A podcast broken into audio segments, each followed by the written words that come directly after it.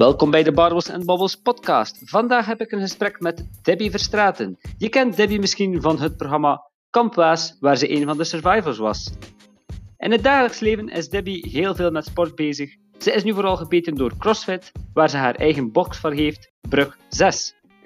Maar ze heeft ook nog een Ironman gelopen in Hawaii. Het is bewonderenswaardig om te horen hoe Debbie zich telkens vastbijt in elke uitdaging. Een zeer inspirerende dame. Ik hou je niet langer in spanning. Let's go!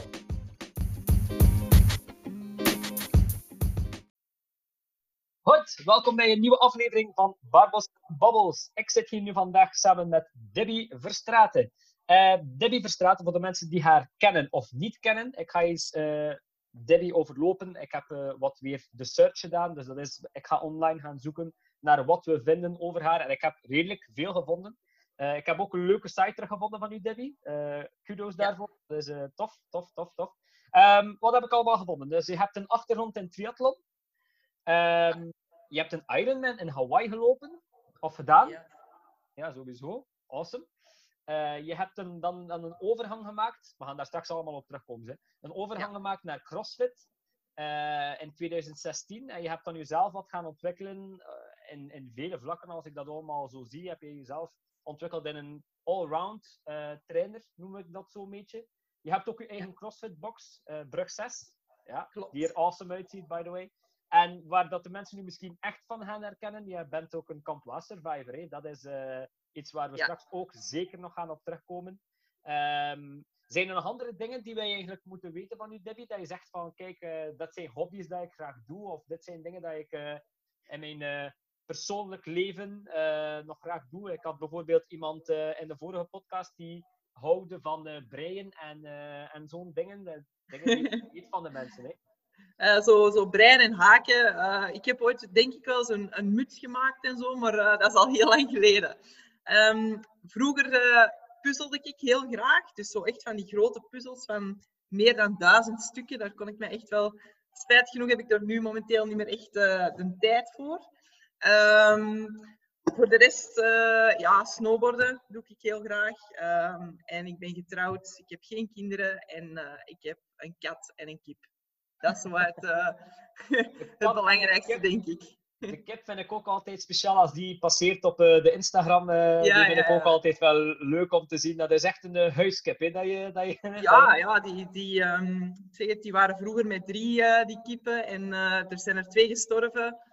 En zij is overgebleven en sindsdien is ze zo super aanhankelijk. Ja, ze staat echt aan de achterdeur te wachten tot we buiten komen. En, uh, ja. Super, super, super. Um, goed. Wel, wat, wat, dat ik meestal doe, Debbie, ik ga all the way back. Ik ga graag eerst terug naar het verleden en, en uh, bouw graag met u eens een fundering dat de mensen echt weten van waar jij komt en wat jij allemaal gedaan hebt. Want je hebt wel een leuke achtergrond als ik het allemaal bezie. Um, ja. Dus ik, ik, denk dat we uh, klaar zijn voor een, een leuk gesprek. Nu ga ik graag eens helemaal terug naar de jeugd. Je bent nu een super sportief persoon en heel allround. Was dat vroeger ook zo? Ben je opgegroeid met sport? Was je sportief iemand?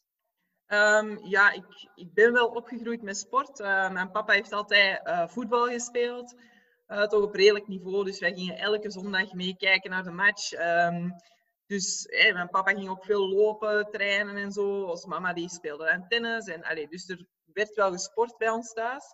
Uh, maar ik heb denk ik uh, in mijn jeugd, als ik zo denk van mijn 6 tot mijn 14, 15, wel veel sporten gedaan. Van judo tot volleybal, tot uh, tennis dan. Tot, allez, dus echt van alles geprobeerd. En eigenlijk gewoon niet echt dingen die ik goed kon volhouden. Um, maar ik heb wel al die kansen gekregen om alles eigenlijk te gaan proberen.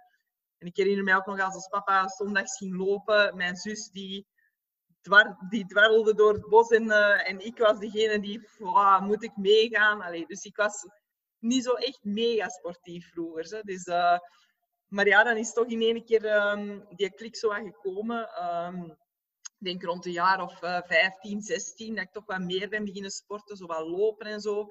En dan het effectieve ja, bijna verslaafd aan sport is een beetje gekomen in, uh, toen ik eigenlijk uh, al op kot zat in Leuven. Dus um, mijn eerste jaar in Leuven, 17, 18 jaar, dan, uh, dan is het echt gekomen. Eigenlijk terug maar heel laat is dat beginnen komen op, op, op En, en hoe was jij dan als kind? Want je vertelt wel van, ja, ik was zo iemand die sport van, ja, moet ik meegaan? Een, een, een andere mindset dan dat je nu had. Was je dan ook competitief? Waarschijnlijk niet. Of, of, of zat dat er een beetje in jou? Was je een beetje rustig aan? Of, of ja, hoe, hoe was jij, je mindset als kind?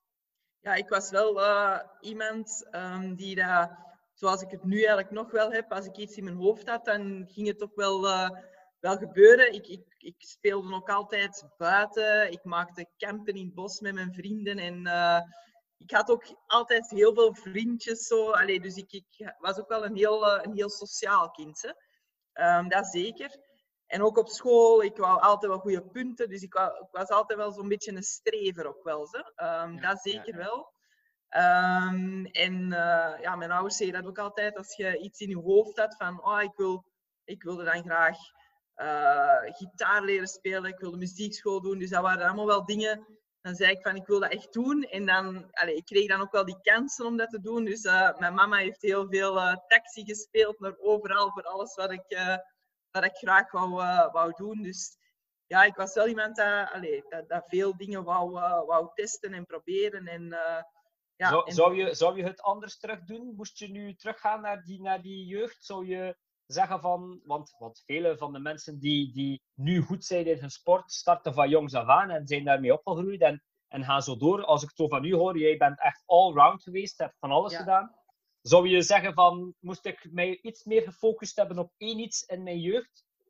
Zou ik daar beter uit te komen ben of, of, of zijn? Of, of zeg je van, oh, nee, die allroundheid heeft mij nu ook wel deugd gedaan en ja, ik denk dat dat mij ook wel een beetje gevormd heeft um, hoe, dat ik, hoe dat ik nu ben eigenlijk. Zeg. Ik denk niet, goh, ja, welke sport zou het dan geweest zijn? Hè? Ik, ik, ik, heb zelfs ooit geprobeerd van, van te voetballen, omdat ik dacht, ja, als papa kan dat toch wel goed en zo, maar dat was dan ook niks voor mij. Dus ja, ik denk die zoektocht dat me dat wel wat heeft gebracht tot waar ik nu, uh, waar ik nu sta uiteindelijk.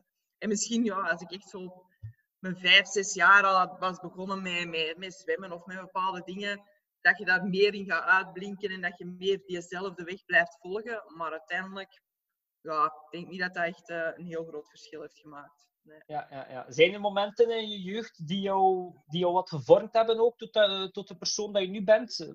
Leeftijds, uh, um, bijvoorbeeld tussen 12 en 14, of, of dat je zegt van kijk, dit is nu echt een moment geweest waarin ik een klik heb gemaakt. Je, je vertelde van als je bent gaan studeren, dat dat wel een ja. verandering is. Dat, is dat dan een moment die jou wat gevormd heeft? Of? Ja, dat is toch wel een beetje de, klik geweest. Allee, ik ben echt uh, ja, opgegroeid uh, in, in, een, in een warm gezin, zal ik maar zeggen. Ook mijn grootouders en zo. Allee, in alles gesteund uh, en, en altijd alles mogen doen en zo. Dus allee, op dat gebied ben ik echt ja, verwend geweest, zal ik maar zeggen. Um, maar zo de, de, de klik van ik wil uh, met, met, met, sport en zoiets doen, is wel echt gekomen pas in, uh, in Leuven. Als ik daar uh, mijn eerste jaar, ik had dan zo, ik liep zo wel een beetje en ik deed zo van die bootcamps met van Billy Blanks toen nog. Dat is oh. lang geleden. en die leerkracht die daar stond, um, ja, die, die had echt zoiets. We stonden daar met, ik denk met 100 man gemakkelijk in die turnzaal daar te te, te, te bewegen en hoe dat zij dat aanpakt, hoe zij daar stond. Ik vond dat echt machtig. Ik vond dat graaf, hoe dat ze iedereen kon aanzetten om te bewegen. En ik had zo echt iets van, oh, dat wil ik ook. En ik wil eigenlijk dat ook kunnen uitstralen naar anderen. En daar is bij mij wel die klik uh, gekomen van, ik wil echt met sport wel verder gaan. En ik wil ook gaan, gaan lesgeven. En dat is ook het moment geweest dat ik eigenlijk spinninglessen ben beginnen geven. En uh, bodypump en, en body combat en zo. En ja, dan voor de les staan en iedereen inspireren, dat is eigenlijk uh, een beetje het moment dat dat gekomen is. Ja, dus je deed dat ook al van, van, een, van een jonge leeftijd dan die lessen geven, of niet? Of, of hoe uh, was ja, ja, toch wel. Uh, dat is ook in de tijd dat ik eigenlijk studeerde, ben ik, ben ik daar eigenlijk mee begonnen al zo. Okay. Super veel, maar ik, ik had toch wel enkele uurtjes spinning en bodypump en zo. Ja. Ja, ja, ja. En hoe is dan die transitie gekomen? Want daar ben ik nu wel curieus naar, die transitie naar triathlon. Want dat is iets, als ik het nu allemaal hoor, je bent heel geïnteresseerd in fitness en je bent heel geïnteresseerd in, in, in die groepslessen. Hoe maak je dan plots een klik van ik ga ja, triathlon doen? Je loopt graag en je fietst wel misschien af en toe eens en je gaat eens zwemmen, maar ja. Nee, fietsen en zwemmen, dat deed ik op die moment nog niet. Ik herinner mij nog goed, dat was um, mijn uh, toenmalige uh, baas van het fitnesscentrum, waar ik eigenlijk spinning gaf. En die gingen bij ons in het dorp uh, in Sint-Jozef een, een triathlonnetje doen. En dat was um, ehm, 400 meter zwemmen, 20 kilometer fietsen en 5 kilometer lopen. En die gingen dat doen met drie, als trio. Hè. Dan komt er zo iemand fietst, iemand loopt, iemand zwemt. En uh, die zei, allee Debbie, je zit toch ook sportief, waarom probeer je dat niet? En ik denk dat we toen twee, drie maanden voor die wedstrijd waren. Ik dacht, ja, misschien moet ik, ja, weet oké, als, als personeel mee zijn, dan wel, ja, weet ik schrijf mij ook in. En dan had ik van iemand een koersfiets geleend, dus dan ben ik daar zo aan mee beginnen fietsen. En dan heb ik mijn uh, gekocht in het zwembad. En dan ben ik in het water gaan liggen. En ik dacht, oké, okay, krauw, dat is zo de ene lijn voor de andere. Ik ga dat proberen. En dan heb ik eigenlijk drie maanden getraind. Ja, allee, gewoon gedacht van, oké, ik kan die drie dingen doen. Hoe dat ik dat toen heb aangepakt, dat weet ik niet. Maar was... Uh, en uiteindelijk deed ik dan dat wedstrijdje. En mijn ouders kwamen kijken. En mijn, mijn man die was erbij. En... Uh, ja, ik werd toen derde van de zeven vrouwen. Stelde eigenlijk weinig voor. Maar op die moment had ik zo echt iets van... Hé, hey, ik train hier drie maanden een beetje in het zwembad en ik kan een beetje fietsen. En ik word hier derde op een wedstrijd. En toen had ik zoiets van... Oh, misschien wil ik mij wel aansluiten aan een club. En ik ga eens kijken voor mijn eigen fiets. En uh, ook in die periode hebben we dan uh, de Mont Ventoux opgereden met de fiets. En uh, dat ging mij ook eigenlijk heel goed af. En uh, op die moment had ik zoiets van, ja, ik wil die een triathlon wel een kans geven eigenlijk. Ja, ja, ja. ja, ja. En dan heb je, je voelde van dat, dat, dat dat wat goed lukte en je voelde dat dat goed ging. En, en is, is dat dan in jouw hoofd de klik geweest van, oké, okay, ik wil hiervoor doorgaan? Of, of ja, ben ja, je dan echt gestart uh, met, met, met wat, hoe, hoe, hoe start je daar dan in? Hey, je, je hebt zelf al getraind. Want ik denk dan, je, je kan niet zelf blijven trainen schrijf je dan in bij een club? Of, of hoe is, ja, hoe is ja, die ja. Dus ik heb, eigenlijk, ik heb eigenlijk vrij snel uh, mezelf ingeschreven in een triathlonclub. In Geel, uh, dat was het evidentste eigenlijk. Uh, dat was het meeste in de buurt. En dan heb ik me daar ook direct gaan informeren van, ja, zijn er hier mensen die trainingsschema's maken? En ja, mijn, mijn huidige schoonbroer, zijn schoonbroer geworden, um, die heeft toen mijn eerste programma's gemaakt eigenlijk. En ja, vanaf toen, als ik zo die structuur had van ja, dan en dan moet je trainen. En heb ik eigenlijk direct, want dat was, ik ben begonnen in 2006 en dan in 2007 heb ik eigenlijk direct um, een uh, lange afstand gedaan. Dus ik heb dat eerste jaar echt getraind om, ja, om, om, om lange afstanden triathlon te doen. En dat was wel mijn eerste ervaring. Altijd bezig zijn daarmee. Ik vond dat echt geweldig. Ik deed dat super graag. Ja, ja, ja. ja. Want uh, allee, de triathlon is natuurlijk, het is, we hebben hier ook al enkele triathlonners aan, aan het woord gehad. Het is, het is lang trainen, het is vele kilometers, het is anders dan hetgeen wat je nu doet. Uh, Ook mentaal is dat soms moeilijk, denk je. Had je daar problemen mee? Was dat, was dat voor jou een struikelblok, die lange trainingsuren, uh, veel trainen? Nee, eigenlijk niet, want ik ben altijd wel iemand geweest die Ondanks dat ik graag voor een groep stond en groepslessen gaf. Maar ik ben nooit echt iemand geweest die, die, um, die graag teamsporten deed. En mij als enige reden eigenlijk dat ik um, zo altijd iets had met triathlon of een individuele sport. Jij bent verantwoordelijk voor je eigen daden als je niet traint. En jij hebt een slechte wedstrijd of het lukt niet. Er is er maar één to blame, zal ik maar zeggen. En dat zij zelf. En in een teamsport ja, daar, daar hangen veel meer factoren van aan. Je bent zelf ook verantwoordelijk voor je team. Uh, je team heeft te maken met hoe dat jij presteert. En ja, ik ben zo altijd meer iemand geweest die liever ja, controle heeft, mijn, ja. Eigen, ja, mijn eigen controle dat zelf in handen had. En ja, ik kon er echt van genieten van uh, de uren in de Ardennen gaan fietsen, uh, mijn ventje op de brommer erbij, gewoon uren gaan lopen alleen. Oh, ik kon er echt van genieten. Ja, ja absoluut. Ja, Nooit ja, problemen gehad. Nee. Ja, en, en dan, dan word je een beetje, dan ga je verder in die, in die, uh, in die, in die triathlon. Uh, ja. ja, je begint meer te trainen, je begint beter te worden. Uh, je uiteindelijke highlight is denk ik de Ironman in Hawaii. Ja, ja. Hoe, hoe, is die, hoe, hoe bouw je dat op? Hoe, moet er daarvoor gekwalificeerd worden? Mensen die dat niet zo goed kennen, hoe, hoe gaat dat een beetje in zijn werk? Ja, dus um, als je... Allez, ik, weet, ik weet niet of dat nu nog op dezelfde manier werkt, want ondertussen is het al vijf jaar geleden, zes zelfs. Ehm, maar vroeger was het zo dat je bij, bij Ironman een kwalificatiewedstrijd moest doen. Uh, een volledige afstand. Op het moment dat je dan je uh, agegroep won, dus agegroep is per vijf jaar eigenlijk. Als je daar uh, die, die won, dan kon je eigenlijk je ticket voor Hawaii kopen. Hè, want je moet nog altijd je inschrijvingsgeld betalen natuurlijk. Um, dus en dan je, je, voor de mensen die eventjes kort inhalen, voor de mensen, je, is geen, je, je mag niet zomaar gaan. Je moet echt ook betalen om te mogen gaan. Ja, ja, ja, je moet je ten eerste kwalificeren in een andere lange afstandswedstrijd. Dus je moet en die lange afstand, Debbie, sorry dat ik je onderbreek. Wat is die lange afstand voor de mensen die...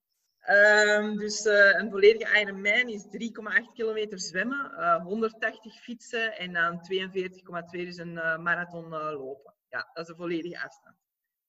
Dus als je wilt kwalificeren, moet je inderdaad in dat jaar ook zo ene doen daar eigenlijk je agegroep winnen en dan kon je naar Hawaii. Ja. ja. My god, ja. Ja. ja. En, en, en ja. je, je, je wint dan, je kan je kwalificeren, je hebt dan dat ticket, je, je betaalt, je, en, en ja, is, is die, is die mindset dan, blijft die mindset dan hetzelfde naar die, naar die Ironman toe? Of, of is die helemaal geswitcht? Want uiteindelijk is dat, bij wijze van spreken, je, je, kan, je kan voetbal spelen in vierde provinciaal, je kan voetbal spelen in eerste klasse, maar je kan ook en ik verleek dan een beetje de Ironman met Champions League finale spelen. Hoe is uw mindset dan? Hoe ga je daar dan mee om? Is dat altijd hetzelfde ehm, gebleven? Als ik even denk van hoe dat, de opbouw eigenlijk Um, dus mijn, mijn eerste jaren triathlon heb ik vooral zo wat, kwart afstand gedaan, halve afstand vond ik ook heel leuk, omdat ik, ik heb nooit echt een sterke zwemmer geweest. Dus hoe langer de afstand, hoe minder belangrijk het zwemmen wordt in verhouding. Als je een volledige Ironman doe, dan ligt je ongeveer een uurtje in het water. En de acht uur daarna is fietsen en lopen. Dus hoe langer de afstand, hoe minder belangrijk het zwemmen eigenlijk wordt. Um, en voor mij die een halve afstand, ik heb ja, Belgisch kampioenschappen ook gedaan en zo, halve afstand, dat lag mij eigenlijk heel goed. En uh, in 2012 heb ik een zwaar blessure gehad, hielspoor. Um, en ja, mijn trainers op die moment die zeiden echt van, goh, ik weet niet of je daar nog gaat doorkomen en of je ooit nog lange afstanden gaat kunnen lopen, omdat het echt zo'n uh, zware blessure was. En uiteindelijk heb ik dan negen, tien maanden ongeveer uh, niet kunnen lopen. Dus enkel fietsen en zwemmen. Dat was een heel moeilijke periode voor mij. Um, maar ik ben daar dan doorgeworsteld. En dan eigenlijk 2013 was eigenlijk een aanloop naar 2014, waar ik in mijn hoofd had van oké, ik wil nu een Ironman doen. Ik koos dan Ironman uh, Lanzarote, omdat ik daar ook echt altijd trainde. Ik ging zes, acht weken per jaar naar het buitenland, gewoon daar trainen. Dus ja, dat was mijn eiland. Ik, ik kende dat, ik kon daar blind fietsen bij wijze van spreken. Dus dat was echt uh, een logische keuze. En daar heb ik dan ook mijn slot gehaald. En um, ja, dat heet zo. Hè. Dus je slot is uw ticket voor Hawaii. En uh, ja, ik heb dat met mijn trainer zo uitgestippeld van oké, uh, in, in mei, april, mei denk ik dat die valt, doen we kwalificatie en dan in uh, oktober uh, de Ironman eigenlijk, hè, de volledige afstand in Hawaii. en mijn mindset daar is gewoon altijd geweest van ik wil die zo goed mogelijk presteren met de vorm die ik op die moment heb. En ehm, ja, gewoon echt er alles aan doen en alles geven om zo goed mogelijk te zijn eigenlijk. Ja. En hoe was dat dan op die Ironman zelf? Was dat, was dat een, een, een beleving? Hoe, hoe heb je dat beleefd? Of hoe heb je dat ja, doorgaan? wij hebben daar een maand geweest. Dus ik heb tweeënhalf week voor de wedstrijd ben ik naar daar gegaan om eigenlijk wat te acclimatiseren. Want het is daar heel vochtig. Het is een heel andere ja, sfeer eigenlijk dan, op, uh, dan, dan hier eigenlijk, zal ik maar zeggen. Dat is echt uniek. Um, en dan de wedstrijd zelf. Ja, weet je, je hebt, je hebt die dat zwemmen in, in, in een oceaan, dat is echt, dat is gewoon prachtig. Hè? Dat is met de dolfijnen, dat is, uh, ja, die ervaring, dat kun je niet begrijpen totdat je daar zei eigenlijk. Dat is, ik heb een heel zware wedstrijd gehad daar. Um, het zwemmen ging eigenlijk supergoed, het fietsen ook. Um, maar ik had toen um, sinds dat jaar eigenlijk samenwerking met, uh, met Ridley. En uh, ik had net een nieuwe fiets eigenlijk en die kader was net iets te groot. En ja, in Hawaii lig je eigenlijk 180 kilometer lang op je stuur, omdat er, ja, dat is een rechte baan, maar er is heel veel wind, dus je ligt eigenlijk de hele tijd plat. En ik spring van mijn fiets bij de wissel naar het lopen en ik voelde echt dat er iets in mijn rug schoot. En dan heb ik uh, nog ja, de eerste kilometers, 25 kilometer, ging het lopen nog redelijk goed. Maar dan nadien uh, begon ik echt zoveel pijn te hebben dat ik uh, met een marathon echt wel slechter heb gelopen dan, dan dat ik hem normaal in mijn hoofd had hoe dat ik het ging doen. Dus ja, dat is spijtig, maar uiteindelijk, ja, de finish en zo blijft wel echt ongelooflijk. Ja. Het is natuurlijk ook wel een, een, een sterk verhaal als je dan met die blessure nog, nog ook mentaal, hoe, dat toont ook aan hoe mentaal sterk je moet zijn daar om, om aan 25 eh, kilometer en je weet dat je nog zoveel moet ja. te lopen en, en die zit met die blessure en het lukt allemaal niet zo heel goed meer. Om dan nog mentaal sterk te kunnen zijn en uitlopen, ik denk dat dat wel een, een prestatie is dat je niet meer gaat vergeten waarschijnlijk. Ja, ik ging sowieso niet stoppen. Hè. Al moest ik uh, op handen en voeten over de finish, ik ging daar niet stoppen. Ik bedoel, ja, dat is iets waar hij nooit in mijn, in mijn hoofd uh, zou opgekomen zijn. Ik heb uh, ooit één keer, denk ik, een wedstrijd uh, in Duitsland waar ik gestopt ben tijdens het fietsen. Um, met als reden dat ik echt onderkoeld was. Um, maar voor de rest zou ik nooit zeggen van ik ga hier stoppen omdat ik een pijntje heb. Of weet nee, nee, nee. Ik ging dat later wel oplossen, die rugpijn, maar op die moment zelf, nee. En, en in die periode, dus ik praat dan over die periode in de triathlon, eh, zijn er daar mensen geweest of mentoren die jou, die jou, ja, die een mentor geweest zijn in dat proces? Of die echt jou door die, door die fase getrokken hebben of door die levensstijl getrokken hebben? Ja, toch wel. Ik heb um, eigenlijk altijd een heel goed team van uh, trainers en uh, coaches rond mij gehad. Um, mijn trainer ik denk dat, die, um, ja, dat ik die toch wel een jaar of zes, zeven, uh, Mark Lamberts, echt een uh, hele, hele toffe coach. Um, die heeft mij altijd begeleid, altijd mijn trainingsschema's gemaakt. Um, en dan heb ik altijd uh, diëtiste Stefanie Scheirlink bij mij gehad, die ook echt mij qua voeding echt 200% altijd heeft begeleid. Um, en dan uh, Lisbeth Moeha, misschien dat je die naam ook wel uh, kent. Dat is, um, die heeft um, nog uh, beachvolleybal Olympisch niveau gespeeld. En zij was eigenlijk mijn sportpsychologe. en ik denk dat ik aan haar echt, ja, qua, qua mentale kracht en hoe dat ik mij op een wedstrijd moest voorbereiden en hoe dat ik mij eigenlijk echt moest focussen in mijn bubbel. Ik denk, zij heeft daar echt ja, mij enorm, enorm in geholpen. Uh, ik kon echt, uh, mindset was uh, voor mij echt, ja, hoe dat ik dat allemaal deed voor een wedstrijd, met, met, met focus en, en oefeningen dat ik daarvoor deed en zo. Dus daar is echt heel veel aandacht naartoe gegaan van hoe dat ik mij mentaal moest sterk maken eigenlijk. Ja. Zijn, zijn dat dingen die je nu nog altijd in je leven meeneemt? Zijn dat dingen die je die nog altijd gebruikt? Zijn dat oefeningen die je nog altijd doet? Misschien aan de klanten ook heeft? Zijn dat... ja. zeker weten. Zeker weten. Um, ook als wij bijvoorbeeld op voedingsbegeleiding uh, mensen hebben die moeilijk hebben om, om een bepaalde switch te maken of dingen niet kunnen loslaten of zo. Dat zijn echt uh, dingen die ik toen geleerd heb, die ik nog altijd eigenlijk uh, meeneem. En zelfs net voor Camp Waas heb ik met, met Liesbeth ook nog een paar gesprekken gehad om, uh, om mij echt uh, op het onverwachte te kunnen voorbereiden eigenlijk. En uh, ja, dat, zij heeft er echt mij altijd heel veel in geholpen. Ja.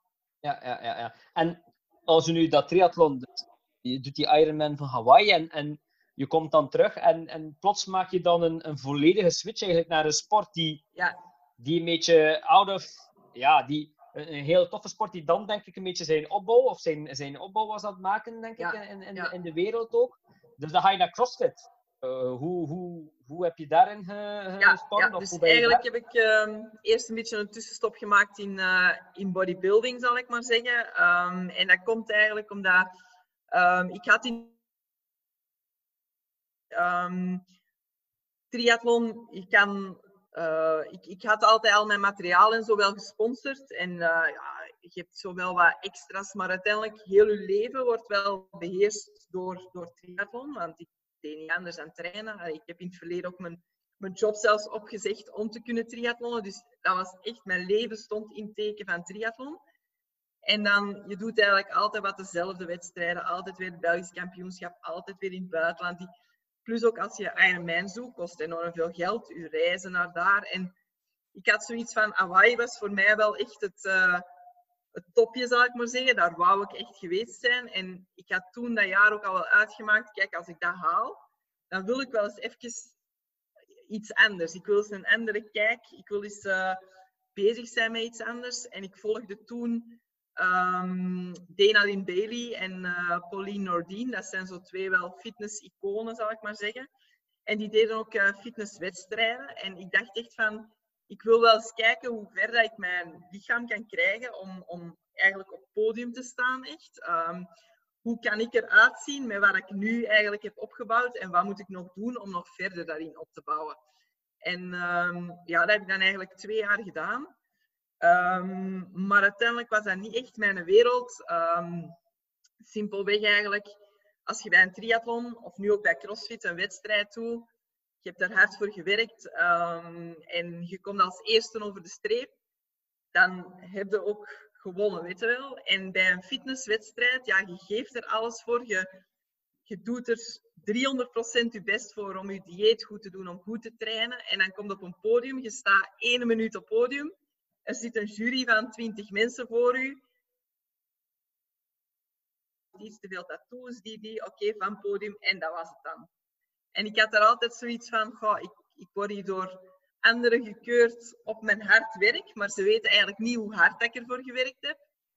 Dus daar had ik altijd een beetje een dubbel gevoel. Um, plus dan ook ja, het feit dat er daar uh, in die wereld, zeker internationaal, enorm veel gebruikt wordt ook. En, daar, ja, dat, dat, dat was zo niet... Allez, ik, ik wou, hoe verder dat ik daarin wou gaan, ik had altijd zo het, idee van, als... Um, ik, ik heb bij NCOBB ook gezeten, bij de Natural Bond en zo ik dacht altijd, ja, ik ga hier laten zien dat je met gewoon goed te eten ook zo gespierd kunt worden. Maar als je dan op een Arnold Classic staat en uh, de vrouwen naast u wegen gemiddeld 15 kilo meer aan spiermassa, dan, uh, dan weet je ook wel van, goh, op mijn leeftijd, als ik dat nog moet opbouwen, dat, dat, ja, dat was gewoon ook niet, niet realistisch voor mij. En ik wou ook mijn lichaam niet naar de knoppen doen, door dingen te doen die niet, niet oké waren. En allee, en dan heb ik eigenlijk heel toevallig um, via een vriendin van mij die zei: Je moet eens een crossfitles komen meedoen, dat is echt iets voor u.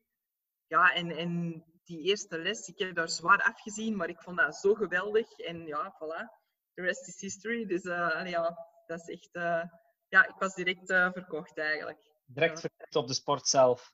Ja. En, en dat, dan nu ook helemaal geëvolueerd in die sport waarschijnlijk. Zoals je ja. eigenlijk, als ik het zo hoor, in, in elke sport gedaan hebt die je al gedaan hebt, heb je geëvolueerd naar eigenlijk een hoog niveau. Waar ja. dat je dan eigenlijk ook nu zelf een eigen CrossFit-box hebt. Ja. Um, dus dat, dat, dat, gaat waarschijnlijk gepaard met, uh, met uh, certificaten halen en, en, en, en dergelijke. Om dat te kunnen doen. Ook misschien wedstrijden meegedaan waarschijnlijk. Uh, en zo verder enzovoort. Ja. ja. Zeker. En, en, en ja, um, hoe, hoe, hoe moet ik het zeggen? Hoe ga je dan. Hoe is die transactie van helemaal terug naar het begin, naar helemaal waar je nu bent? Is dat dezelfde transactie die je telkens meemaakt? Heb je daar hetzelfde gevoel bij zoals je startte met triathlon en eindigt bent met triathlon? Of, of ook, ook naar je lichaam ja. Het is allemaal anders. Het is, het is, CrossFit is ook veel ja. globaler, heb ik het gevoel. Is nu ook ja. hot voor het moment. Ja, ja zeker. Ehm, zeker. Ja, ik, ik, weet je, mijn, mijn ingesteldheid is wel altijd hetzelfde. Eender welke sport dat ik eigenlijk ga doen, is, is alle uit mezelf. En ik wil daar ook het, het, allez, alles voor doen om dat te bereiken. Nu ook, hey, ik ben 37. Ik wil in CrossFit als master echt nog wel uh, dingen gaan bereiken. En ik heb dan ook op het moment dat ik, um, en na 2016 ben ik dan eigenlijk begin 2017 mij helemaal op CrossFit beginnen uh, concentreren. En dan heb ik ook gezegd van, oké, ik ga niet gewoon naar een CrossFit box en ik ga wat watches meedoen. Nee, ik ga een trainer zoeken. Ik zorg dat ik thuis alle materiaal heb, dat ik thuis kan trainen. Dat ik kan ook vrij snel eens een wedstrijdje meegedaan om dat te ervaren. Um, en ja, dat zo streven naar van, ik wil niet iets zomaar, zomaar doen om zonder doel iets te doen. Nee, ik wil dat ook doen met als doel, ik wil zo goed mogelijk zijn en het beste uit mezelf halen. En ja, dat heb ik altijd gehad in alles wat ik deed eigenlijk. En nu met CrossFit-verhaal is dat net hetzelfde. Ja. En, en als je CrossFit zou mogen omschrijven, wat, hoe zo, wat, welke omschrijving zou je daar dan aan geven? Um, CrossFit is voor mij echt heel allround. Van endurance-achtergrond, van lopen, fietsen, zwemmen. Daar kan ik nog altijd op teren, zeg ik altijd. Uh, zet mij op een roeier en ik maak die kapot. Hè. Dus dat is nog altijd um, mijn kracht van toen dat ik uh, nog fitness deed. Daar heb ik ook mijn voordeel uit. Um, je hebt uh, het gymnastiekgedeelte. Um, er komt heel veel techniek bij kijken ook. Er komt heel veel functioneel bewegen. Dus op die basis is CrossFit eigenlijk heel compleet. Eigenlijk iedereen kan dat doen. En, en dat maakt het eigenlijk zo leuk voor, voor, voor een, hele, een hele community, zal ik maar zeggen. Uh, mensen die net beginnen of die dat zeggen, ik heb echt geen ervaring in sport, die kunnen dat doen. Die kunnen samen trainen met mensen die al jaren crossfitten. Die, dus, dus dat brengt eigenlijk heel veel mensen samen. En ik denk, zeker bij ons ook in een box, wat ik heel belangrijk vind, is dat mensen goed bewegen, correct bewegen. En ja, dat is gewoon leuk om te zien dat, dat iedereen die sfeer van, hey, ik ben nog maar net begonnen, maar ik kan al wel meedoen met de rest. En dat gevoel maakt gewoon CrossFit zo leuk en dat maakt het uh, ja, voor, voor iedereen toegankelijk eigenlijk. Is, is die community iets waar jullie ook ferm op inzetten bij Brug 6, de box zelf? Is dat iets die jullie, dat jullie waardevol achten? Want ik, dat, dat vind ik iets van CrossFit die het sterkst doorweegt en, en de community en de band die mensen hebben samen en samen trainen. Is dat iets waar jullie ook sterk op inzetten of niet? Ja, ja, ja zeker. zeker. Allee, wij doen ook, uh, we zijn eigenlijk net toen we open waren, ook direct uh, begonnen mij een, een, barbecue te geven voor, uh, voor de leden. Ze spreken ook regelmatig af om een Titan run te doen. Om, allee, dus je voelt ook wel dat... En ook nieuwe mensen worden bij ons eigenlijk direct mee in die groep opgenomen en zo. Dus ja, dat is iets uh, waar we zeker op inzetten en uh, wat we heel leuk, leuk vinden om te zien. Ja. Ja, ja, ja, Nu, nu wil ik ook nog eventjes doorgaan op het, uh, op het vlak dat jij ook op voeding, um, want dat is ook iets die voor het moment heel hot is en vele mensen hebben daar heel verschillende visies over. nu had ik ook graag eens weten wat jouw visie is en, en drie pijlers die jij belangrijk vindt in gezonde voeding of drie pijlers die jij aan je klanten meegeeft, dat je zegt van kijk, dit is het 2, 3. En als je dit volgt, is al het helft van het werk gedaan. Ja, ja, ja. ik vind. Um, wij, geven, wij geven heel veel voedingsadvies, zowel aan uh, mensen die, die, die veel op sport inzetten, en duursporters of, of crossfitters, maar evengoed de gewone mensen die zeggen ik wil uh, gewoon afslanken of ik wil zelfs bijkomen.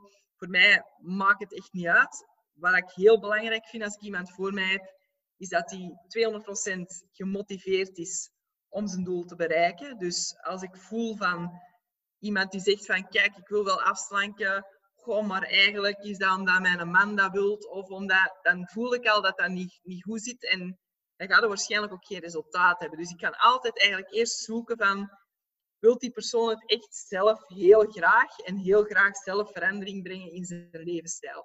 Dat is voor mij echt pijler 1 algemeen, zal ik maar zeggen. Ja. Um, en dan vind ik het uh, heel belangrijk, zeker in deze wereld met allerlei verschillende diëten. Over laatst hoorde ik zelfs iemand die zei, ik volg uh, het keto-dieet op intermittent fasting manier. Dan krijg, begint hier bij mij al uh, serieus te draaien, zal ik maar zeggen. Dan denk ik, gewoon doen, daar zijn we nog altijd het beste mee. Hè? Dus ik leer eigenlijk onze klanten altijd ja, wat zijn koolhydraten, wat zijn eiwitten, wat zijn vetten en waarom hebben die eigenlijk alle drie nodig? Dat is eigenlijk het belangrijkste. Um, gewoon ze leren van hoe lezen een etiket, um, waar, waar moet op letten als je gaat winkelen. Dus echt gewoon de basis leggen, want mensen weten niet meer wat die basis is. Uh, ze horen zoveel, lezen overal, proberen alles voor één week en dan zeggen ze ja, ik heb geen resultaat, dus proberen ze iets anders. En ja, ik vind dan ook het ergste, media speelt er heel fel op in. Uh, je moet een tv maar opzetten en uh, je krijgt een of andere reclame van uh, slank nu 10 kilo af in twee weken tijd met dit of pak dit pilletje en je verbrandt vet. En allee, logisch dat mensen de weg niet meer weten, maar ik probeer ze altijd eigenlijk naar die basis terug te brengen. Dat is voor mij het belangrijkste. Dus die mindset en die basis en dan gewoon leren van hoe moet ik dat doen. Ja, ja, ja, ja. En hoe, hoe, ga je dan, hoe ga je daar dan in te werk? Is dat, is dat een, een, een approach waarbij dat je dan samen met die persoon zit, dat je zegt van kijk, dit zijn de, de basisspelers, daar moet je op letten? Of ga je echt te werk met die persoon van kijk, dit is een, een voedingsschema die je aangeeft? Of, of, Ja. of Ja. die mensen zelf een voedingsschema samenstellen? Of ga, je, of ga jij ook gaan helpen daarin? Ja, ja, wij gaan eh, zeker ehm, helpen. Dus we gaan eigenlijk bepalen van oké, hoeveel calorieën verbrandt iemand eh, op een dag.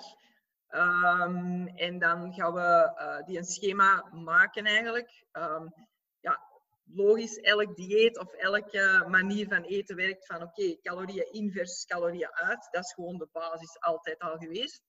Ehm, en we gaan gewoon mensen een bepaalde vrijheid geven, dat ze wel zelf kunnen gaan invullen van oké, eh, we leren bijvoorbeeld wat zijn magere eiwitten. Oké, magere eiwitten zijn dingen die eh, per 100 gram minder dan 3 gram vetten bevatten bijvoorbeeld. En we gaan ze een hele lijst geven waaruit ze kunnen kiezen. Dus ik zeg altijd, als je bij ons komt eh, en je wilt graag elke dag kip met broccoli en patatjes eten, dan is dat meer dan oké. Maar wilde jij elke dag variëren en koken, dan is dat ook oké. maar hier is uw leidraad. Dit is eigenlijk wat je van calorieën op een dag zou moeten binnenkrijgen. En daar beginnen we eigenlijk mee. En dan gaan we eigenlijk zelf een beetje zien en aanvoelen van hoe mensen daarin evolu evolueren. Ehm, eh, en wij werken eigenlijk met een echt een fulltime online begeleiding. Dus dat wil zeggen dat iemand dagelijks via een eh, applicatie vragen kan stellen. Ehm, wij gaan elke keer meekijken over de schouder, zeg ik altijd. Als ze gaan winkelen, ze zijn niet zeker, ze trekken een foto, ze sturen die naar ons. Wij gaan meehelpen van oké, daar moet op letten. Dus onze coaching proberen we altijd echt fulltime te geven en dat mensen echt het gevoel hebben van oké, ze hebben mijn handje mee vast. En als ze dat doen voor een maand, twee maanden, drie maanden, dan weten ze wat ze moeten doen. En dan kennen ze hun lichaam ook, dan weten ze wat er eigenlijk gebeurt. Dus uh, op die manier werken wij. En dat, dat ja, zijn eigenlijk, we hebben daar heel goede, goede Ja, en, en is, er, uh, is er een advies dat jij zegt, die wordt gegeven in, in die wereld, dat jij niet achter staat? Een advies dat, een slecht advies dat jij vindt? Uh... Ja, het, um, ik, ik vind het gewoon moeilijk dat, dat, dat sommige diëten bepaalde uh, macronutriënten gaan uitsluiten. Al zijn het proteïne, al zijn het koolhydraten, al zijn het vetten. Zorg dat je gewoon gemiddeld alles binnenkrijgt, want je lichaam heeft wel alles nodig. En, en dat is eigenlijk wat, eh, bijvoorbeeld ook het, uh, het verhaal van bijvoorbeeld een, uh, een en zo van die dingen. Het werken met enkel shakes, niet meer echt met het eten eet gewoon normaal. Ik, ik, probeer altijd te zeggen, of je nu winkelt in de Aldi, in de Carrefour, in Albert Heijn, dat maakt mij allemaal niet uit. Je gaat altijd vinden wat er op het schema staat. Het is niet dat ik zeg van, ah, en hier deze pot heb je nog nodig, en deze potje, en deze reepje. Nee, want dat is geen visie op lange termijn. Hè. Mensen gaan dat misschien twee, drie maanden doen, maar na die maanden, ja, dan moet het toch terug normaal eten. Dus leert gewoon iemand op een goede manier gewoon eten, zonder al die, uh, die rare dingen erbij. En, uh, ja. en, en waarom denk je dat mensen daar zo, zo toe aangezogen worden aan, aan, die, aan die... Wat denk je, is, is de reden daarvoor? Uh, ik wist dat mensen la zijn en denken van dat is een shortcut. En als op de verpakking staat binnen twee weken kan je 10 kilo afslanken, dan is dat nog altijd in hun ogen interessanter dan ik zeg. Die zegt van oké, als we drie maanden samenwerken, op lange termijn, dan kunnen we wel streven naar die 10 kilo. Maar een halve kilo op een week afslanken is realistisch. Maar 10 kilo op twee weken is in mijn ogen niet realistisch of niet gezond. Misschien kan dat wel, maar daar ga je altijd een weerbots van krijgen. Maar mensen willen snel en makkelijk en drinken en ik slank af of ik pak een pilletje. En ja, de mensen zijn luier geworden, denk ik. Ja, ja, ja, ja. dat klopt inderdaad ook wel. En, en dat, dat vind ik ook wel iets. Mensen zoeken altijd de kortste weg. Hè. Uh, ja. De langere weg is, niet, uh, is meestal bestaat uit meer hobbels en meer uh, kasseien, bij wijze van spreken. Ja. en de rechte weg is iets vlakker. Maar inderdaad, zoals je zelf zegt, dat yo-yo-effect is altijd dichtbij. Dat is een gezonde levensstijl. ja, dat is iets dat je moet opbouwen. Hè. Dat is niet van, je kunt niet tien jaar ongezond eten en dan plots verwachten dat je in twee weken je lichaam volledig omdraait. Dat is onmogelijk. Ja. Um, naar recuperatie toe, uh, Debbie. Uh, pak nu, je hebt de zware wot achter de rug.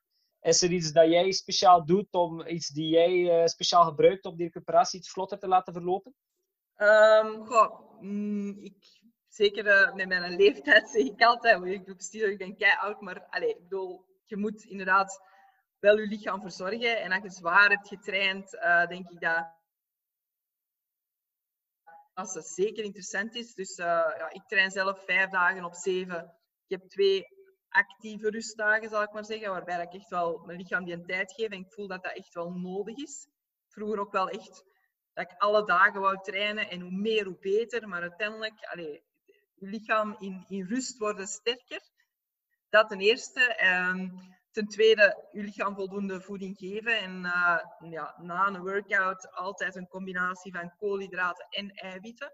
Dat zijn eigenlijk de twee belangrijkste die je nodig hebt na een workout. Je eiwitten, omdat dat je bouwstenen zijn voor je stijl van je spieren. Je koolhydraten om je energiereserves eigenlijk te gaan uh, aanvullen. Um, en in welke verhouding dat dat moet, uh, is eigenlijk ja, heel persoonlijk en afhankelijk van wat je doel is in eerste instantie en van wat dat je gedaan hebt. Dus dat leer ik eigenlijk uh, de klanten ook altijd van, ja, als je rustig een toertje gaat lopen, dan ga je misschien nadien iets anders als recuperatie moeten eten of drinken dan wanneer je een heel intensieve intervaltraining hebt of een heel intensieve WOD hebt. Dus daar, uh, dat is ook heel persoonlijk. Uh, maar het voldoende eten na een workout is sowieso heel, heel belangrijk. Hoe vaak dat ik mensen bij mij krijg die zeggen, ja, ik heb nog een les gedaan om 8 uur, 8 op 9. En uh, ja, ik eet daarna maar niks niet meer, want anders heeft dat geen effect. Dat is heel spijtig, hè, want dan, ja, dan, dan, uh, dan ga je gewoon eerder afbraak doen dan dat je iets opbouwt. Hè. Ja, ja, ja, ja, ja, ja, ja. Dus uh, belangrijke eten is inderdaad een, een, een mooie pijler om aan te halen. Uh, goed, nu wil ik nog eventjes overgaan naar onze laatste segmentje. En dat is uh, ja, waar wij u allemaal wat hebben leren kennen. Waar ik u ook heb leren kennen of, of bezig heb gezien. Ja. Dat is. Uh, ja. Ik heb, over, ik heb plaats zien passeren ook op uw Instagram.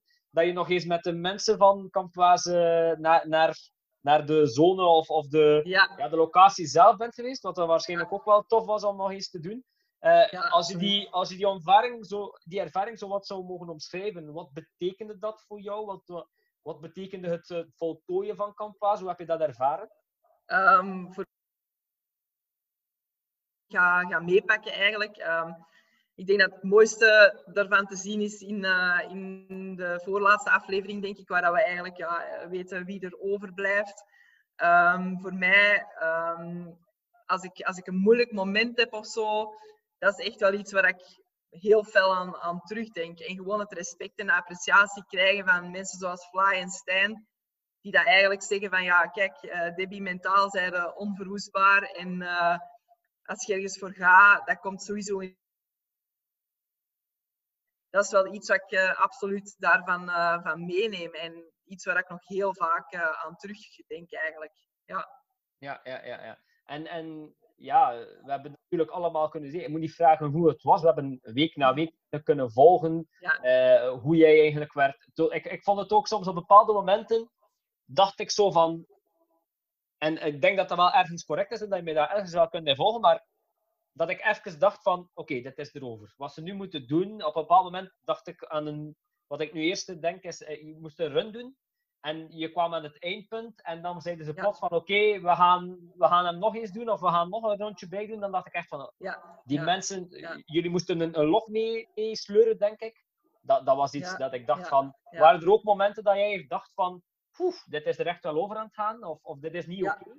Okay? Um, ik heb eigenlijk nooit gedacht, uh, ik ga hier opgeven. Dus uh, echt, uh, ik, ik, die, die, die mindset had ik sowieso. Ik ging altijd sowieso blijven doorgaan.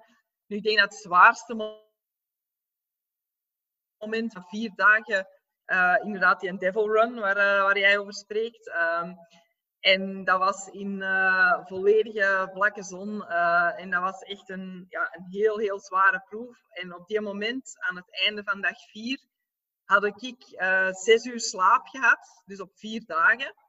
Dus ik denk dat dat voor mij het moeilijkste was altijd het slaaptekort. Je kunt dat wel eens hebben dat je zegt, dat ik ben vroeg moeten opstaan en ik heb wat weinig geslapen of ik heb een zware week gehad. Maar als je op vier, vier dagen moet zo'n inspanningen doen en je moet wakker blijven om gefocust te blijven. We hadden schietoefeningen, we hadden observatieoefeningen, waarbij dat ze echt ons... Ja, wij moesten gewoon wakker blijven. En, en dat was zo moeilijk met momenten. Dat is echt, dan moet je echt vechten tegen jezelf om, uh, om wakker te blijven. Ja, en dan altijd met die uh, rugzak van meer dan 20 kilo, met uh, webbing aan. Onze volledige uitrusting was ongeveer 30, 35 kilo. Um, en ja, dat is echt... Ik denk dat je ook een bepaald moment... Maar dat was echt op een uur... Je altijd door je knie zakken, altijd op de grond terug recht kruipen. Dus het is niet te beschrijven hoe zwaar dat was. Want mensen zeggen wel eens, het is maar tv. Ik heb daar geen moment gedacht van, oh, hier zijn ze aan het filmen. Uh, wij hebben ook uh, heel veel nachtdroppings gehad, waarbij ik nooit een levende ziel heb gezien. Dus uh, het is niet zo dat er altijd camera's bij ons waren. Wij hebben ook heel veel gewoon een bodycam gehad, of dat er op bepaalde plaatsen wel mensen stonden, maar dat wij waren. En dan komt u zelf eigenlijk heel vaak tegen. Hè? Ja, ja, ja. ja. En, en, wat is voor jou uh, de, de moeilijkste, wat was voor jou het moeilijkste? Het, het slaaptekort of de lichamelijke afpegeling van uw lichaam? Uh, wat, wat, was... Um, absoluut het slaaptekort, omdat um, uw, uw lichaam, ja, goh, alles doet op den duur zeer. Ik had ook echt uh, serieuze blaren, dus mijn voeten lagen eigenlijk helemaal open van achter. En elke dag de medic die verzorgde dat mijn, mijn voet er dan een gaas over en tape rond. En dan moest ik terug in die schoen. Maar op den duur vergeten dat je hebt zo, ja, je, je lijf doet overal zeer. Dus dat, dat maakt op zich echt niet meer het verschil. Maar het is het, ja, je, focus die minder en minder wordt, omdat je echt zoveel slaaptekort hebt. Uh, ik denk dat dat voor mij het, uh, het ergste was. Voor de rest, um, fysiek, ja, ik, ik had niet echt blessures buiten die blaren, dus dat viel eigenlijk wel mee. Ja. En, en ja, je zegt zelf, want dat is wel iets waar, waar ik nu van verschiet. Dus ook buiten de camera's om hadden jullie vele opdrachten waar jullie eigenlijk dagelijks veel bezig Dus wat wij eigenlijk telkens maar zeggen, was een, een fractie van? Of, of was dat toch? Ja. Of, of hoe zou je dat omschrijven naar, naar percentages toe? Wat kregen wij als... Um, ja, als je nu bijvoorbeeld zegt, er zijn uh, de ik, weet zelfs niet wat het is uitgezonden, maar we hebben zo een, uh, een uh, race moeten doen met een brancard ook en zo. Daar, daar gaan, gingen dan bijvoorbeeld ook allemaal uh, theoretische lessen aan vooraf. Dus je moet je voorstellen dat je niet geslapen hebt, maar dat je wel moet opletten. Na die theoretische lessen kregen we ook direct altijd examens. Dus als je dan in slaap viel en je wist niks, dan kon je ook niks invullen. Dus dat was ook wel, wel heftig. En ja, de, de, de, de nachtproeven. Dat is uh, om, om 9 uur s'avonds vertrek maar en go. En om 6 uur s morgens ergens toekomen aan een nacht gestapt te hebben. En dan zeggen ze van, ga daar maar liggen in de berm. En u moet vijf uur lang die weg observeren zonder in slaap te vallen. En dan daarna uh, mogen recht staan en gaan we naar een open veld en gaan we loopoefeningen doen en schietoefeningen. En dan als je daarmee klaar bent en je denkt, je gaat eindelijk terug naar basecamp, dan uh, is het een devo-run en mogen nog drie uur lang in de zon lopen en van alles mee.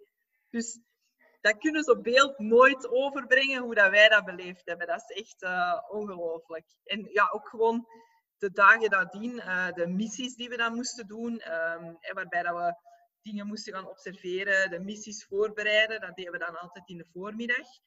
En dan vertrokken wij om een uur of 11, 12 met de camion naar ons plaats. Ja, en we waren nooit voor middernacht uh, terug thuis. Hè. Dus je zei heel de dag op trot. Hè. Echt, ja. Ja, natuurlijk, natuurlijk. Er zitten daar veel dingen bij die, die, die tv-gewijs ook niet zo interessant zijn voor ons. Bijvoorbeeld een examen maken of een theoretische les. Ja, dat, dat ja. passeert wel eens, maar dat is niet echt iets dat wij ook gezien hebben. Dat is ook niet spannend, of bij wijze van spreken. Nee, nee, dus, uh, en en uh, iets wat ik altijd al heb eens willen vragen aan iemand, uh, Tom Maas, hoe is die? Heb je die veel gezien? Of, of hoe is die als persoon? Um, is, dat, is dat zoals hij is op tv? Of? Ja, ik denk dat, dat Tom um, allee, op het moment van dat Camp startte, had hij wel direct de rol van oké, ik ga hier gewoon degene zijn die het programma presenteert en die begeleidt maar die niet echt mee on the field is. Dat was wel duidelijk vanaf het begin eigenlijk. Ehm, op zich hebben wij hem eigenlijk niet zo heel veel gezien. Hij kwam af en toe wel eens een keer vragen hoe dat ermee was. En uh, af en toe eens een babbeltje doen. Maar uh, wij hebben hem eigenlijk vrij weinig gezien. En ik denk op het moment dat hij zo met ons kwam babbelen, uh, dat hem ook wel voelde dat wij zo in die bubbel zaten van laat ons maar doen. Wij zijn uh, onze missie aan het voorbereiden. Dat hem ook niet echt, hij, probeerde zo hij miste thuisfront niet en dit en dat, maar dat kwam bij ons niet meer binnen. We waren echt gewoon bezig met, uh, met wat, wat, we moesten doen. En, ja, en dan achteraf gezien nu uh, hebben we eigenlijk nog weinig contact met hem, zal ik maar zeggen. Um, maar voor de rest, ja, ik denk dat hem zelf ook wel uh, aan het einde van het programma zoiets had van oh, tju, daar had ik eigenlijk ook wel willen meedoen, want allee, het was wel echt een, uh, een super ervaring. Ja. Ja, ja, ja, ja. En, en je komt dan uit die ervaring, Debbie, dus Campaas is over. Hoe, hoe, ja, hoe, hoe ben je dan? Is dat dan, want dat, dat zijn toch wel intense momenten dat je daar beleefd hebt. Denk je daar dan nog aan terug? Of zijn er momenten dat je nog terug gaat oppakken? Ja, zeker. Ik heb uh, de eerste, eerste drie weken, als ik terugkwam, heb ik echt wel uh, problemen gehad. In de zin van, uh, ik kon heel slecht slapen. Ik, ik had constant nachtmerries. Ik werd ook altijd wakker. ik zat soms uh, rechtop in mijn bed dat ik uh, ergens iets moest verdedigen. Allee, ik, ik, heb heel slecht geslapen die eerste weken. En uh, ja, ik was ook zo... Ja, het eindigde zo plots eigenlijk, want wij dachten ja, het gaat 14 dagen duren. Hè, dat hadden ze ons gezegd. Dan uiteindelijk na negen dagen was het dan gedaan. En goh, ik miste dat enorm. Ik wou echt, toen ik thuis was, ik wou echt terug. Ik wou terug ook bij die mensen zijn waarmee ik het had meegemaakt. Ik was zo echt zo, ja, een beetje, ik, ik was wel blij dat ik mijn man en zo terugzag. Maar ik wou echt terug naar daar. Ik, ik kon zo even niet schakelen terug naar het normale leven direct. Ja. Dat is echt uh, heel raar. Ja. Ja, ja, ja, ja, ja. Denk je dat dat is iets dat, dat jouw lichaam zo intens ervaard heeft waarschijnlijk, dat dat echt nog lang in jou heeft blijven nazinderen? Dat, ja, dat wel... ja, ja, ja, ook, ook lichamelijk. Ik was wel een paar kilo kwijt. Uh, mijn eerste trainingen, dat was toch wel uh, echt uh, terug aanpassen. Um, ja, je hebt, je, hebt, je hebt zoiets gedaan met je lichaam. ook dat slaaptekort, die eerste dagen heb ik echt ja, gewoon proberen zoveel mogelijk te rusten en, ja, en goed te eten. En ja, dat was toch wel heftig nadien. Hè. Ja. Yes. Goed, um, nu The Future, hoe, hoe, hoe, hoe gaat die, uh, Debbie? Hoe, hoe, zie je die voor u? Want je bent, je bent bezig met van allerlei en nog wat dingen. Uh, je hebt ja. brug 6, uh, je hebt die voedingscoaching. Ja. Zijn er nog projecten in, in het vooruitzicht dat je zegt van dat komt er nog aan of dat wil ik nog doen? Of zijn er nog ja. dreams to come true? Zeker. Met Brug 6 uh, zijn we aan het uitbreiden. Dus we hebben een, eigenlijk een, een tweede pand. Uh, waarin we vanaf, vanaf, september gaan beginnen met uh, powerlifting, olympisch liften en uh, yogalessen. Dus ehm, op die manier gaan we eigenlijk uitbreiden om ja, nog meer service te kunnen bieden, zal ik maar zeggen. Um, dat we eigenlijk vooral. Um, dus daar zit zeker nog, nog heel veel groei in Brug 6. Um, we zijn ook nog altijd op zoek naar gemotiveerde mensen om ons uh, team te versterken. Dus uh, als er uh, shout-outs, shout hebben, absoluut. Um, en dan voor mij persoonlijk um, ja, blijft uiteraard CrossFit super belangrijk. ik ja, heb, allez, nu, nu met de wedstrijden en zo die allemaal zijn afgelast, hebben we niet echt een zicht op wat de toekomst nog zal brengen. Maar ik wil zeker in, uh, in de CrossFit Open um, nog goed gaan presteren. Ook enkele buitenlandse wedstrijden en zo nog, uh, nog gaan doen. Dat zeker. Um, en dan uh, gaan we begin juli met de vijf survivors van Canvas nog de Mont Blanc beklimmen. Um, Wauw. We, gaan, we gaan dat doen in, in één dag, omdat we toch, ja, we zijn een beetje speciaal, dus we maken er ook iets speciaal van. Uh, dus dat is wel iets, uh, iets heel spannend uh, wat, er, wat er staat te wachten. Um, voor mij, ik denk fysiek dat dat wel zal lukken. Het enige waar ik wat schrik van heb is ja, hoogteziekte, omdat je zo gaat stijgen op korte termijn.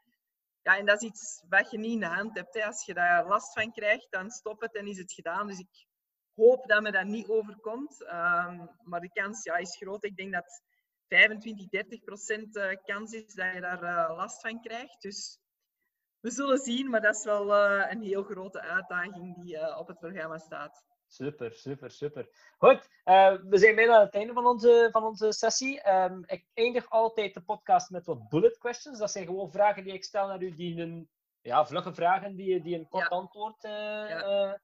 vragen. Dus ehm, we gaan daar direct mee starten.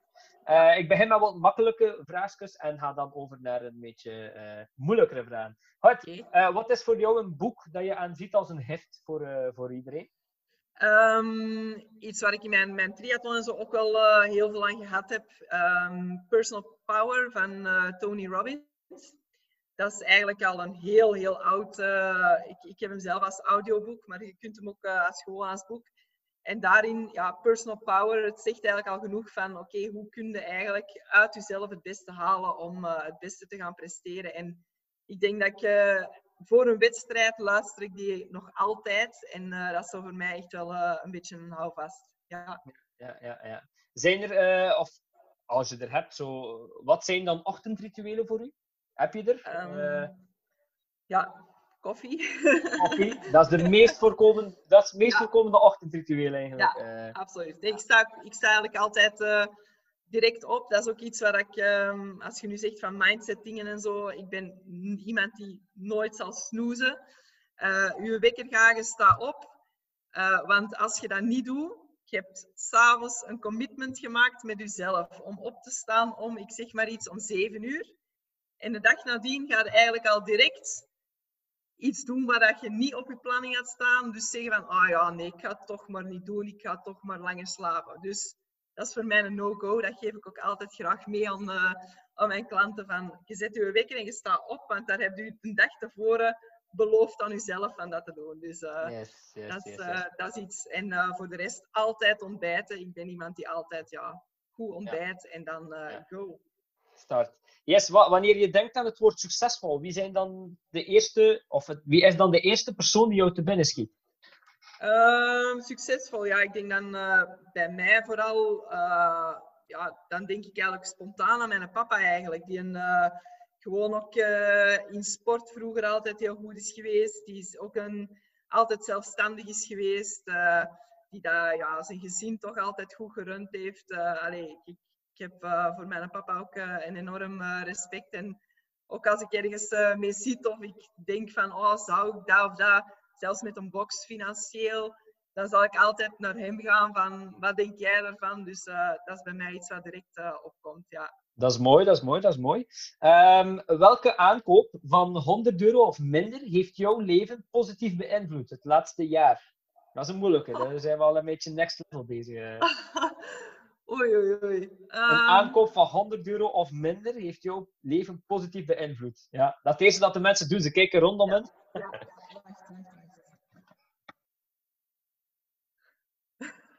Wat de hell? Ja, wat is dat? Nu, ja, dus ik zal even demonstreren. Dus je zet dat op je gsm.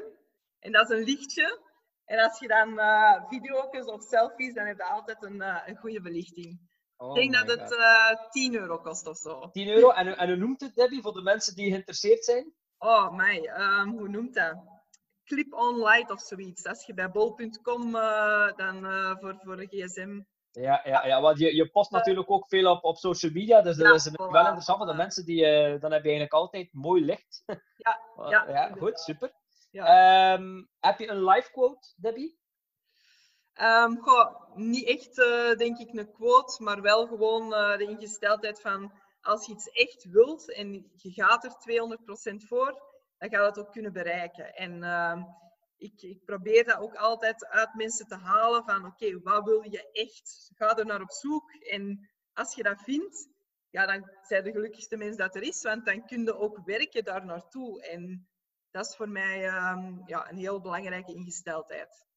Ja, ja, ja. En ik heb nog een laatste vraag. Uh, dat is de vraag die ik uh, nu al heel tijd stel, eigenlijk de laatste maanden aan iedereen. Um, we zijn nu in die COVID-periode, we zijn in die corona-periode wat aan het doorfietsen. Um, ja. met sommige bubbels en sommige uh, hellingen. Maar wat is voor jou het belangrijkste wat jij haalt uit deze periode van, van COVID? Wat, wat, wat is voor jou het belangrijkste geweest? je bent ook moeten sluiten met de box, je bent ook ja. weer heropgestart. En, en zijn er dingen dat je zegt van, ja, dat, dat hou ik hier echt wel aan over? Of? Ehm, ja, ik denk voor mij, wat ik ehm, voor de COVID eigenlijk altijd ook tegen mijn zakenpartner uh, Manu zei van, goh, we zouden zo eens even de wereld drie weken op pauze moeten kunnen zetten en dan kunnen we alles bijwerken, kunnen we onze ideeën uitwerken en terug volle gas gaan. Uiteindelijk zijn het drie maanden geworden. dat was misschien iets te veel, maar ik denk voor mij vooral belangrijk dat ik ehm, voldoende aandacht moet besteden aan mijn eigen slaap en eigen recovery. Ik, uh, ik was echt zo in een rush van ik slaap vijf uur, vijf uur en een half per nacht. Ik train gelijk een gek. Ik neem maar klanten bij aan, want hoe meer, hoe beter. En ik denk dat ik dat wel geleerd heb van, goh, uh, als je zelf als atleet ook nog iets wilt gaan betekenen en eigenlijk jezelf wilt verzorgen, dan is vijf uur slaap per nacht niet genoeg en moet je durven nee zeggen. En ik denk dat dat wel iets is wat ik geleerd heb van oké, iemand die echt bij ons personal training wilt volgen of voedingsadvies, die gaat niet morgen, als die morgen niet kan komen, die gaat even content zijn als die binnen twee weken kan komen.